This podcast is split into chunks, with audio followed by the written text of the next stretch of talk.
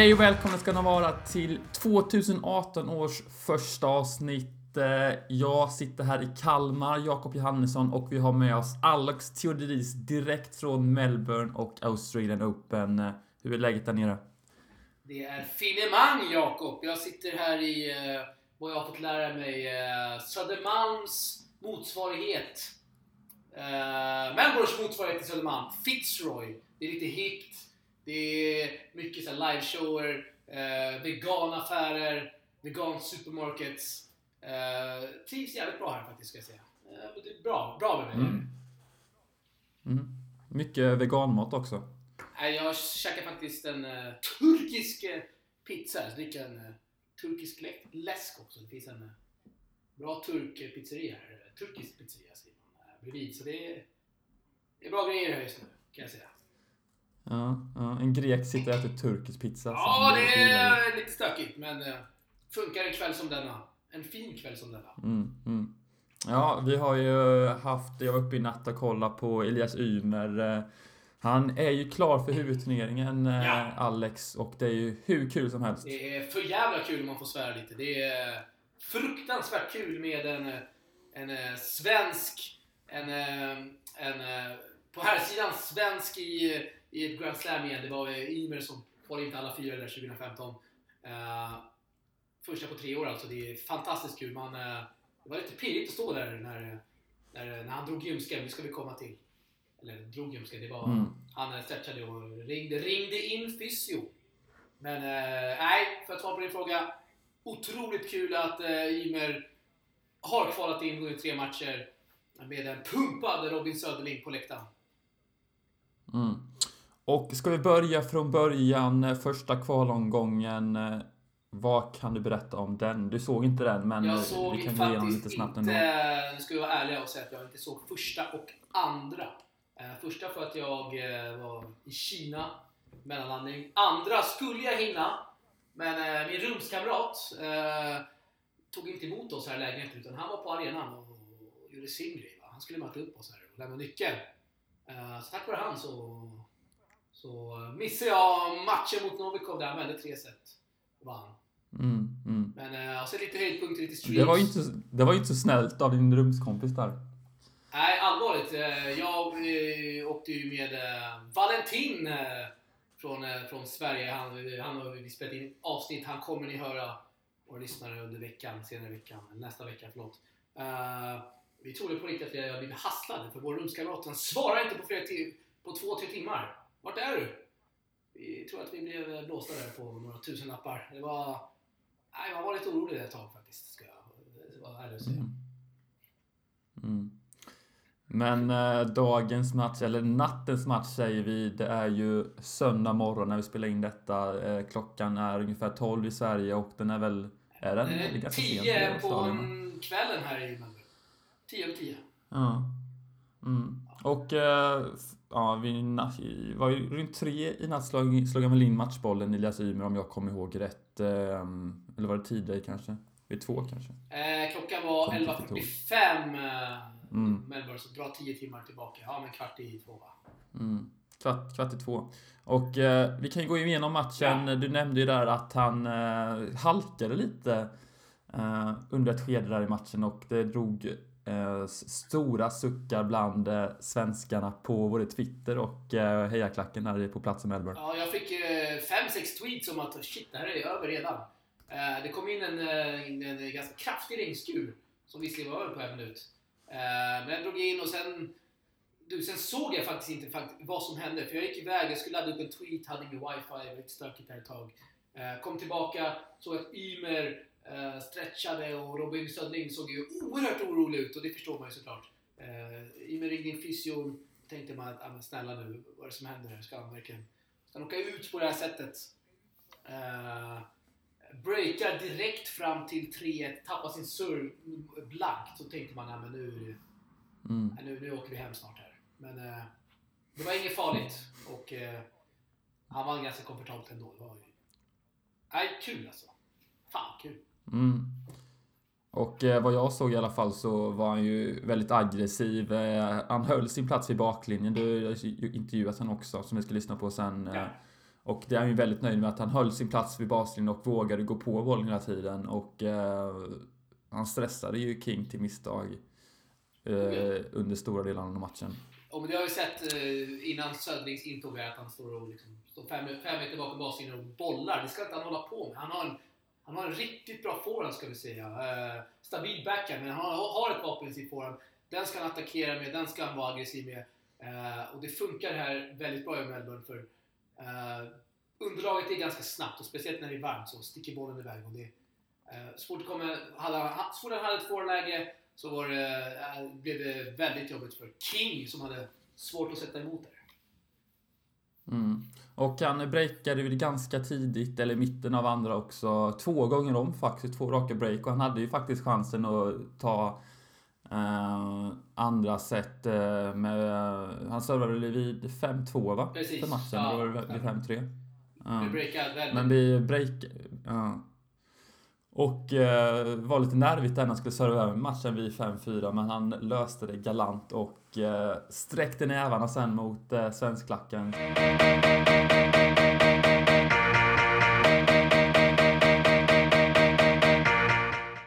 Ja, varför, du sitter inte i Sverigeklacken. Kan du berätta varför? Ja, men man måste ju vara lite som man säger, eh, professionell va? Nej, men jag, jag eh, ärligt talat så, så fan, det fanns en läktare och så fanns det ett, eh, vad ska man säga, ett, inte staket men en, eh, vad fan heter det, galler höll jag på att säga.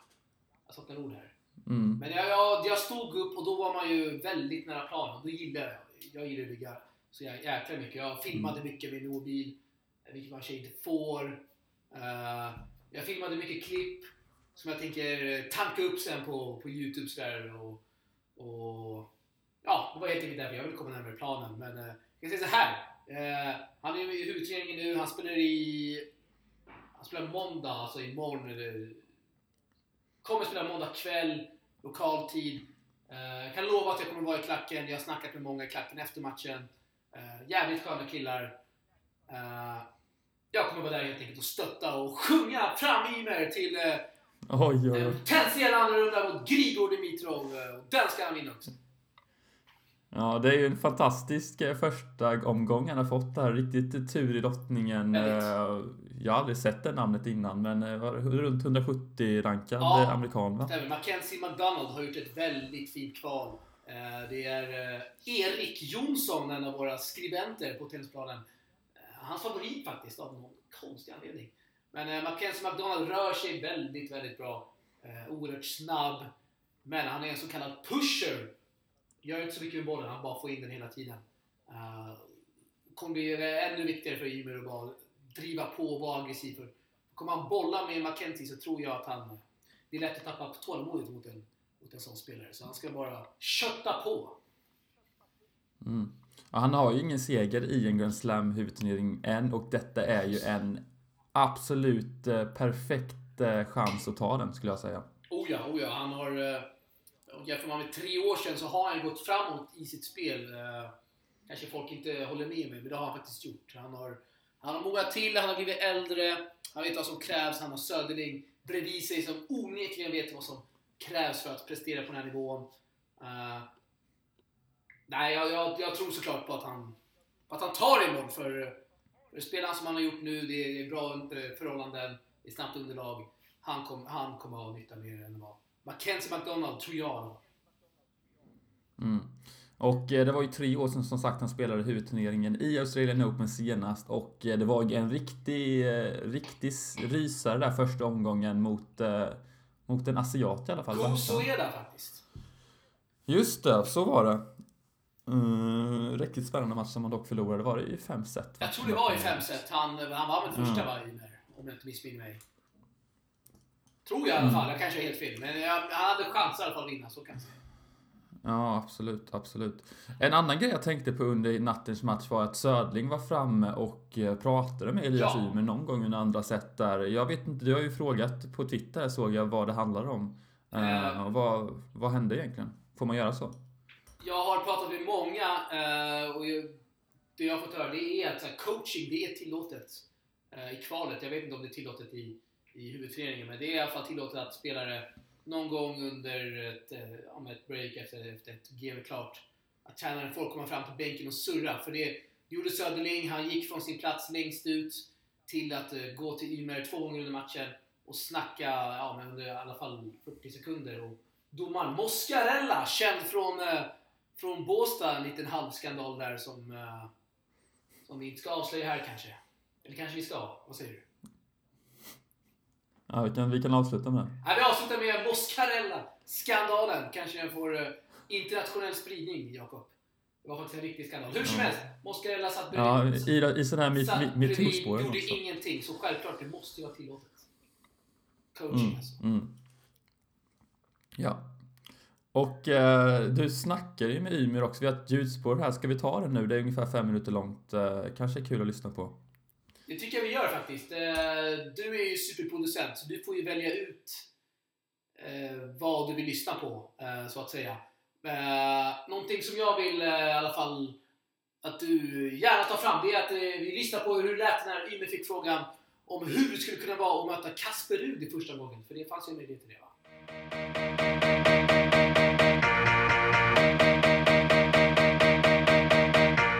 Nej, jag var rätt avslappnad. Jag spelade jag hade bra... Jag spelade aggressivt hela matchen. Jag visste att eh, bollarna kommer tillbaka mycket mot honom. Jag förlorade mot honom i Delary Beach-kvalet förra året. Så jag visste att shit, det kommer bli en väldigt tuff match. Men jag, jag, idag hade jag eh, alltså träffen och vapnen för att kunna slå ut honom. Vad var känslan där? Du tog ett litet skadeavbrott i början. Halkade lite olyckligt på en förmodligen en våt yta. Vad, vad, vad gick igenom huvudet då?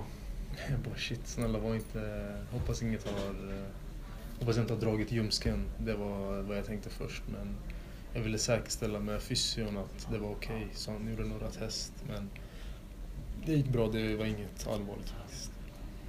Så, över två år sedan vi hade en uh, man i Grand Slam-singeln tidigare. Då var det du den gången också. Själv, hur har du känt under den här tiden att du inte har kvalat in på den här nivån? Eh, jag har inte känt så mycket. Det har varit liksom, man jobbar varje dag med sig själv bara. Tennis, man måste jobba ödmjukt och varje dag är en ny dag. Man får aldrig vara... Det finns ingen säkerhet i den här sporten. Man måste alltid ta varje dag som kommer och vara optimistisk och hoppas och träna hårt. Och nu, nu ser jag bara framåt och jag hoppas jag kan göra något bra i den här tävlingen.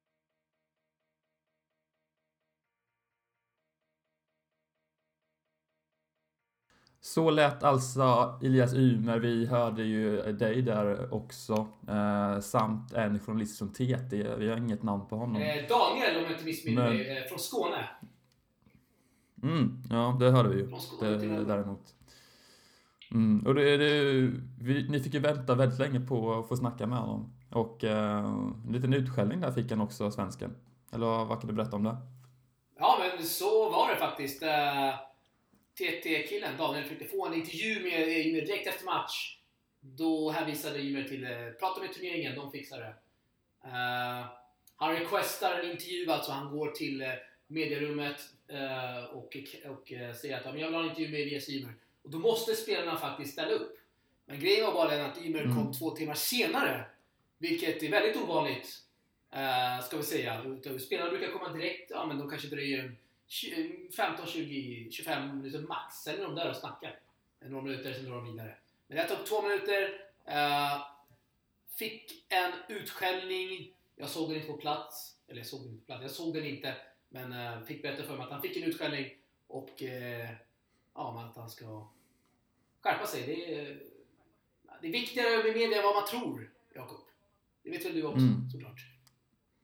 Ja, absolut. Det är ingen uh, hemlighet Nej. att uh, Bröderna Ymer tar väldigt lång tid efter sig efter att ha spelat en match. Och uh, alltså, det är ju bara um, acceptera att, uh, att folk vill ha intervju med dem direkt efter match tycker jag och ställa upp. Jag vet inte vad det har riktigt för betydelse. Men... Uh, det, vad, vad känner ni att lägga liksom locket på och, och liksom köra någon form av silencio stampa mot media och, och knappt prata? Alltså det tjänar ingen på. Det tjänar inte dem deras sponsorer tjänar inget på det. Uh, varför inte ta liksom lärdom av andra spelare? Det finns uh, Stefanos Tsitsipas, uh, greken, han, han kör Q&A på YouTube. Han twittrar till folk. Han ställer frågor till mig. Han, Han redigerar videos och fan, han får ju extra fans på det sättet. Ja, och eh, det är väl viktigt. Eh, vi, vi, får se här framöver efter första omgången om han tar någon lärdom av detta Elias. Vi har ju vet på honom om detta tidigare. Snackat väldigt mycket om eh, Eh, hur svårt det är att få tag och prata med Röda Men eh, ingen förbättring verkar ske. Kanske efter eh, den här podden, vem vet? En ny uppmaning från oss.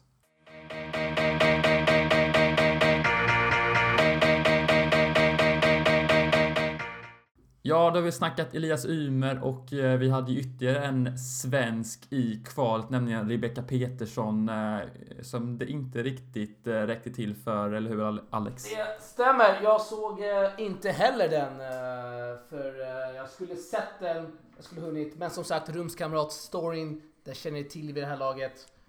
Hon, hon vann första set, förlorade sen i tre, tre set. Och var väldigt, väldigt besviken efter matchen. Eh, jag fick höra en liten tråkig grej faktiskt, att hon inte tackade svenska fansen efter matchen. Det tycker jag är sådär alltså. Om jag ska säga ut vad jag tycker här. Även fast man förlorar så kan man ändå tacka svenska fans som har sjungit, stöttat två timmar. Det låter ju uppenbart. Alltså snälla någon, det är... Eh, hade jag varit tränare så hade jag liksom varit arg på min elev eller? Man kan vinka i alla fall. Man behöver inte ta selfies, skriva autografer. Men vinka och... Mm, brukar, brukar AIK tacka sina fans efter förlust, eller hur ser det ut? Du, jag, är, jag kan säga så här. Jag, det, tack, om spelar man AIK och man tackar inte fansen efter match, då får man nog höra jävligt hårt tror jag. Jag tror väl alla allsvenska spelare gör, även fast man spelar i Gävle, eller om man har borta fans. Alltså det är väl normalt. Ja, tackar Elias Ymer de svenska fansen efter sina vinster? Har han gjort det? Jag twittrade faktiskt första matchen att han inte gjorde det, men sen har jag kollat på en video. Uh, inslag av matchbollen och han, han ger faktiskt en liten vink där.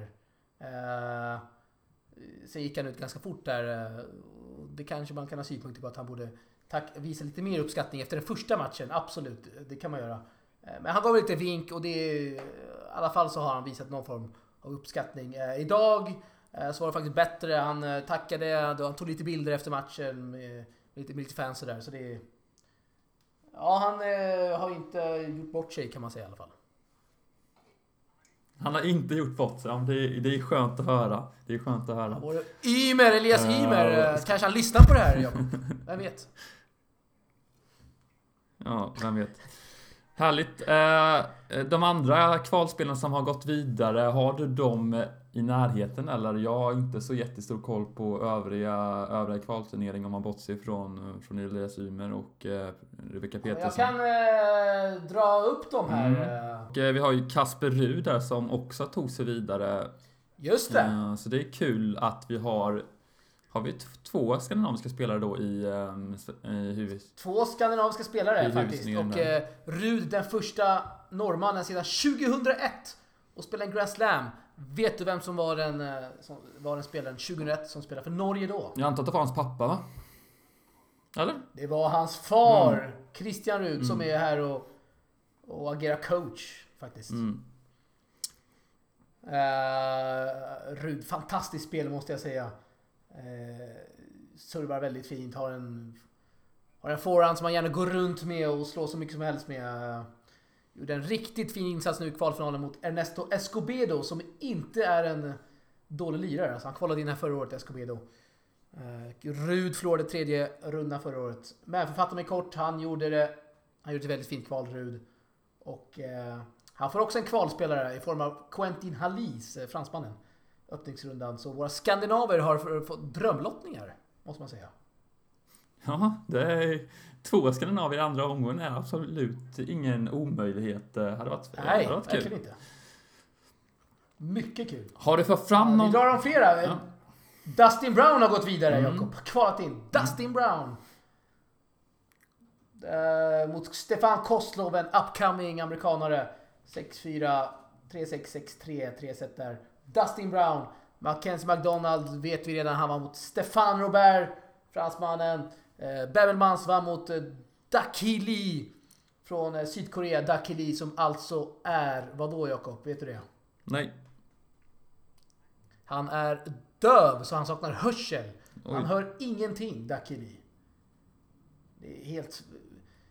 Jag träffade Patrik Ragan, måste ge en shout-out till han här. En av våra många, en av många trogna läsare. Han var här nere. Drog i, eh, igår, men vi- han snackade med han där i fredags. Vi, snackade, vi kollade på Li andra rundan där och Li kan ju inte höra om det blir liksom ett lätt eller om det blir en second serve eller correction eller vad det nu kan vara. Men eh, han spelar ju på. Han verkar ju ändå ha någon sorts ja, men, uppfattning om vad som händer trots att han inte hör. Det är helt eh, fascinerande faktiskt. Mm. Ducky Lee. Kan ju inte höra bollen heller liksom. Eh, Bernard Tomic, the tank! The tank engine! Eh, Han han förlorade, förlorade va? här i... Han förlorade mot Lorenzo Zoniego och efter matchen så... äh, Australienska journalisterna, de, de hade spelförståelse. De fattade att Tomic har förlorat. Han kommer inte spela huvudturneringen. Vi går fram till Tomic nu med kameror, med eh, mikrofoner och så ställer vi en fråga till han. Hur känns det liksom? Eh, och Tomic eh, såklart eh, svarade ganska obskyrt. Ska vi lyssna på det kanske? Det kan vi göra. Kom här. I just count money, that's all I count my millions. Ja, eh, Ja, där fick, fick, jag såg det fick ni höra bra grejer Jakob. Jag såg detta innan och är det, är det... Han säger att han bara gör det för pengarna eller vad, vad är det han säger? Precis. Eh, han säger att han bara han tjänar millions eh, och typ kom tillbaka när ni tjänar 13 miljoner säger han till dem. Jag räknar mina pengar säger han. På svaret på frågan här. ja, det är helt... Finns ju ändå en charm med honom alltså. Ja, det finns mycket charm ska jag säga. Han, var, han hade en sjukt skön match igår eh, mot Tommy Paul. Det var så att eh, eh, fredagen regnade bort helt. Det spelades kanske några game. Lördagen regnade bort också. Eh, halva lördagen. Så det de gjorde igår, det var att flytta in kvalmatcherna till eh, Margaret Court Arena. Eh, den näst största arenan. Under tak alltså. Och där spelade Tomic mot Paul. Eh, och då fick man sätta sig vart som helst. Jag satte mig precis längst ner bakom uh, baslinjen liksom. Fantastiska platser. Uh, såg alltså Tomic Paul, det var en tresetare. Otroligt, otrolig match. Eh, Tomic var ju helt död efter tre set och det, han har inte gjort sin fysträning kan vi säga sådär i alla- i alla fall. Så han hade ju inte klarat sig ett slam, han var ju helt död igår tyvärr. Och, men eh, han förlorar mot Lorenzo Zuniego som knappt vinner matchen på Challenger-touren. Det är otroligt. Det är inte så bra Bernhard Tobbe. Ska vi kolla lite på huvudlottningen här också? Ehm, om vi börjar med den första fjärdedelen där så har vi ju Rafael Nadal, eh, första sida som vi vet. Han ställer alltså upp, eh, har ju varit en del frågetecken. Han möter Estrella Burgos, eh, ska ju inte vara några problem överhuvudtaget för spanjoren. Nej, det, det kan bli eh, 0, det kan bli 0-0-1 alltså resultatet. Jag skojar inte. Estrella Burgos bara slicear på sin backhand. Rafa Nadal kommer ju Mm. äta upp han. Ja, det är många intressanta matcher här på första delen. Vi har eh, Ja, mycket intressant. Millman eh, mot Corrich där också kan bli, eh, kan bli riktig publikmatch alltså med Millman, australiensare och eh, ett framtidshopp som eh, Bernard Corrich. Ja, det kan bli eh, popcorn, Jakob. Som man säger. Mm. Det kan bli popcorn och... Eh, eh, Gilles Simon Copil, bara en sån grej. Fina matcher. Måste bara nämna Dodicela. Jag mötte Ryan Harrison. Alltid när Dodicela spelar Australien så har han otroligt skön hejaklack. Eh, israeliska fans som sjunger, dansar, hånar motståndare. Det är underhållning på hög nivå. Mm. Dodicela. Och en annan godismatch där är det Kyrgios mot Dutra Silva första omgången. Kan Dutra Silva eh, rå på Kyrgios? Eh, är... Du, jag skulle vilja se att han gjorde det. Vi såg ju när han slog Monfils i Umeå i somras. Mm, mm. Det var på grus i och för sig. Ja. Eh, Hanks favorit, eh, som alla vet kanske. Mm. Och det är ju Dutra lite Silva. av, lite av en source-favorit, eh, Dutra Silva. Eh, väldigt eh, eh, harmonisk kille som vi, vi tycker om. Och fick en selfie med båda, Ja. båda oss två. Eh, utmärkt alltså. Var en sån sak. Ja, fantastiskt, fantastiskt. Eh, Tsitsipas Chapovalov. Eh, det är en riktig godismatch Jakob. Mm, Det är två upcoming spelare som är otroligt intressanta. Absolut, absolut. Och eh, vi har ju även eh, Federer där som är andra sidad eh, möter Ajax Bedene. Eh, ja, han bytt land igen nu ser jag här. Han har bytt land igen ja, det stämmer. Han fick inte spela Davis Cup för Storbritannien. eh, Jag vill inte säga fel här, för jag brukar blanda ihop Slovenien och Slovakien. Han är från Jag Slovenien. Slovenska fans. Ja. Ja, tack. Jag kunde bli stökigt där. eh, Kunde bli stökigt där. Eh, precis, han har bytt land nu igen va? Eh, gått tillbaka till moderlandet. Sökte dispens för att få spela för... För, för, för att spela för brittiska... Det brittiska, Storbritanniens Davis Cup-lag. Fick inte det för han hade redan spelat för Slovenien innan. Uh, har varit bosatt i Storbritannien i många år. Uh, är han tillbaka alltså, igen. Och... Mm. eh, märkligt alltså. Jävligt märkligt. Mm.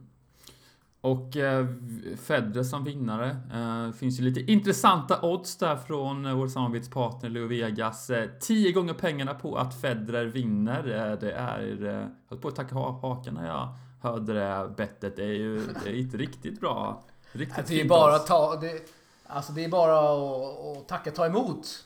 Att de kör den oddsboosten, Leo Vegas. Jag ska säga det att den, den går ut snart.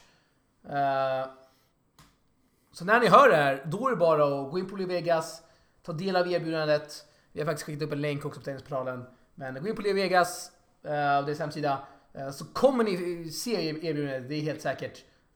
Och, och det är bara att spela för det går ut snart som sagt. Det är bara att köra helt enkelt. Kör på. Mm. Och eh, ska vi kika lite på damlottningen också. Eh, men första sidan är ju Simona Halep eh, mot en australiensk spelare i Iava. Eh, eh, oerhört oklar, oklart ut, uttalning där, vad man säger. Ja, Men, mycket oklart uttal här faktiskt. Men det intressanta är att Halep kan få möta Bouchard Det är redan den andra omgången. Eh, Bouchard som var väldigt lovande för några Sa år du sedan. Wozniacki nu? För det hörde jag inte. Nej, Bouchard. Du sa inte Wozniacki. Du sa Bouchard. För det kan... Bouchard, ja det är min favorit. Det kanske alla vet, höll jag säga. Ja, du borde ha koll på att eh, de kan mötas i den andra omgången tycker jag. Och inte Gillar. Bouchard skarpt. Eh, nej, på tal om Wozniacki, det är faktiskt det är faktiskt fem danska journalister där Jakob. Fattar ingenting av vad de säger. Men det är fem danska journalister här. Oerhört stort. Mm, vad var de i Båstad? Kan man ju fråga sig. Eh, precis, det undrar jag med. Ja, kanske- Eh, den kanske var gillar- noll danska journalister där? Kanske gillar värmen bättre i Australien än i Båstad. Möjligtvis. Ja, det... Ja, shit alltså. Mm. Jag Maria, har ju bara den där bron. Ja, Maria Hur som Sharapov helst. Maria Sharapov ma- på vad möter den tyska Maria. Eh, inte så mycket koll på tyskan där. Eh, och sen har vi Winnes Williams mot eh, Belinda Bencic. Eh, eh, det är intressant första Mycket omgång. intressant möte vill jag säga. Det är skrällvarning på Bencic som har gjort eh, fantastisk comeback efter sin skada. Har Mm. spelat Hopman Cup här eh, nyligen med Federer. Och hon har varit briljant alltså Bencic. Mm. Mm. Håll ett öga på henne. De vann väl Eh, vi får inte glömma nämna... Ja precis, de vann ganska enkelt. Vi får inte glömma att vi har faktiskt... Eh, vi har faktiskt... Vi har Johanna Larsson såklart. Eh, vi ska komma till hennes motståndare. Men vi har också en spelare med lite svensk intresse va? I form av Maria Sakkari. För hon coachas ju av Thomas Johansson. Mm. Ja, inte så jättemycket koll på just det samarbetet. Det kanske du har? Ja, lite halvt. De har väl kört nu i några månader i alla fall. Och Sakkari som eh, är en... eh, Hon är, ja, hon är ung. eh, är hon runt 19-20? Jag vill inte säga fel här. Ung som sagt, upcoming. Uh, gillar ordet upcoming som du förstår. Talangfull. Uh, Topp 100 va? Hon är 95 Oj, 22. Du är... ja, hon är ett år äldre. Ett år äldre än mig. Är hon då. Hon va? Ja, exakt. Ja, hon är väldigt talangfull, eh, väldigt fysisk spelare.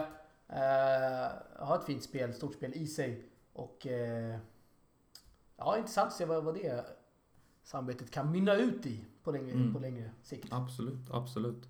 Och eh, ska vi gå igenom... 55 i världen, det är inte dåligt. Nej, absolut inte. Ska vi gå igenom eh, eh, Johan Larssons motståndare också? Thailändskan Luxika Kum Kum Kum Kum. Är det så? Kung sa du inte. Kum Kum. Jag hör dåligt där.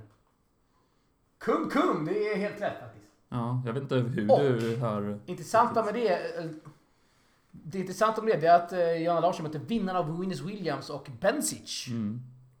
Men eh, en lottning, en kumkum där är ju en riktig drömlottning. Eh, Rankad 125 i världen och eh, ska väl, Göran Larsson ska ju ha en riktigt bra chans att, att vinna den matchen skulle jag säga. Ja, hon ska ju vinna den om hon...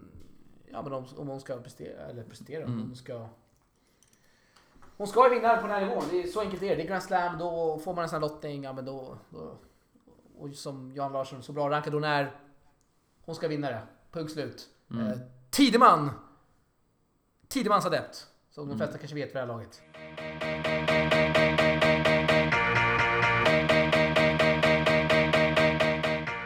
Ja, där var alltså damernas eh, lottning till eh, Australian Open och eh, vi lovade ju också att dra en liten skandal där innan vi avslutar den här första delen av vår Australian Open special som det kan bli något av. Det var i Båstad, var det ett och ett halvt år sedan. Eh, Muscarella sitter på Peppes Podega i Båstad tillsammans med en domare. Jag vet inte riktigt vad han heter, det kanske du har koll på? Nej, jag vet inte, men det är en känd domare som dömer mycket ATP här. fall. Mm. Lite likt Game on Fizz, eh, domaren i alla fall. Det är han Mm. faktiskt, det var en bra liknelse. Det är han, det stämmer. Ja. eh, mm. Och eh, han fotade lite där med, med blixten på, eller vad hände egentligen? Han tog fram sin mobil. Det här var alltså, som du sa, det var ett och ett halvt år sedan. Långt innan metoo-tider. Eh, tog fram sin mobil. Han, hade, han var nog eh, lite berusad, absolut. Eh, satt och käkade och drack. Tog fram sin mobil, vände sig om och eh, tog bilder på några tjejer. Eh, ja, på deras... På deras rumpor. Eh, tog bilder och eh, då åkte blixten på. Och de blev liksom tagna på bar gärning och stackars domarkollegan där, så han skämdes. Uh, det här tror jag inte har kommit ut faktiskt. Det gör det nu. Nej, vi har inte sagt det, men eh, ja. Eh, han kanske får eh, kicken. Gianluca Moscarella. efter, Och det, det finns ju, Mm. om du känner till Magdi Somat, domaren som blev bortpetad helt. mm.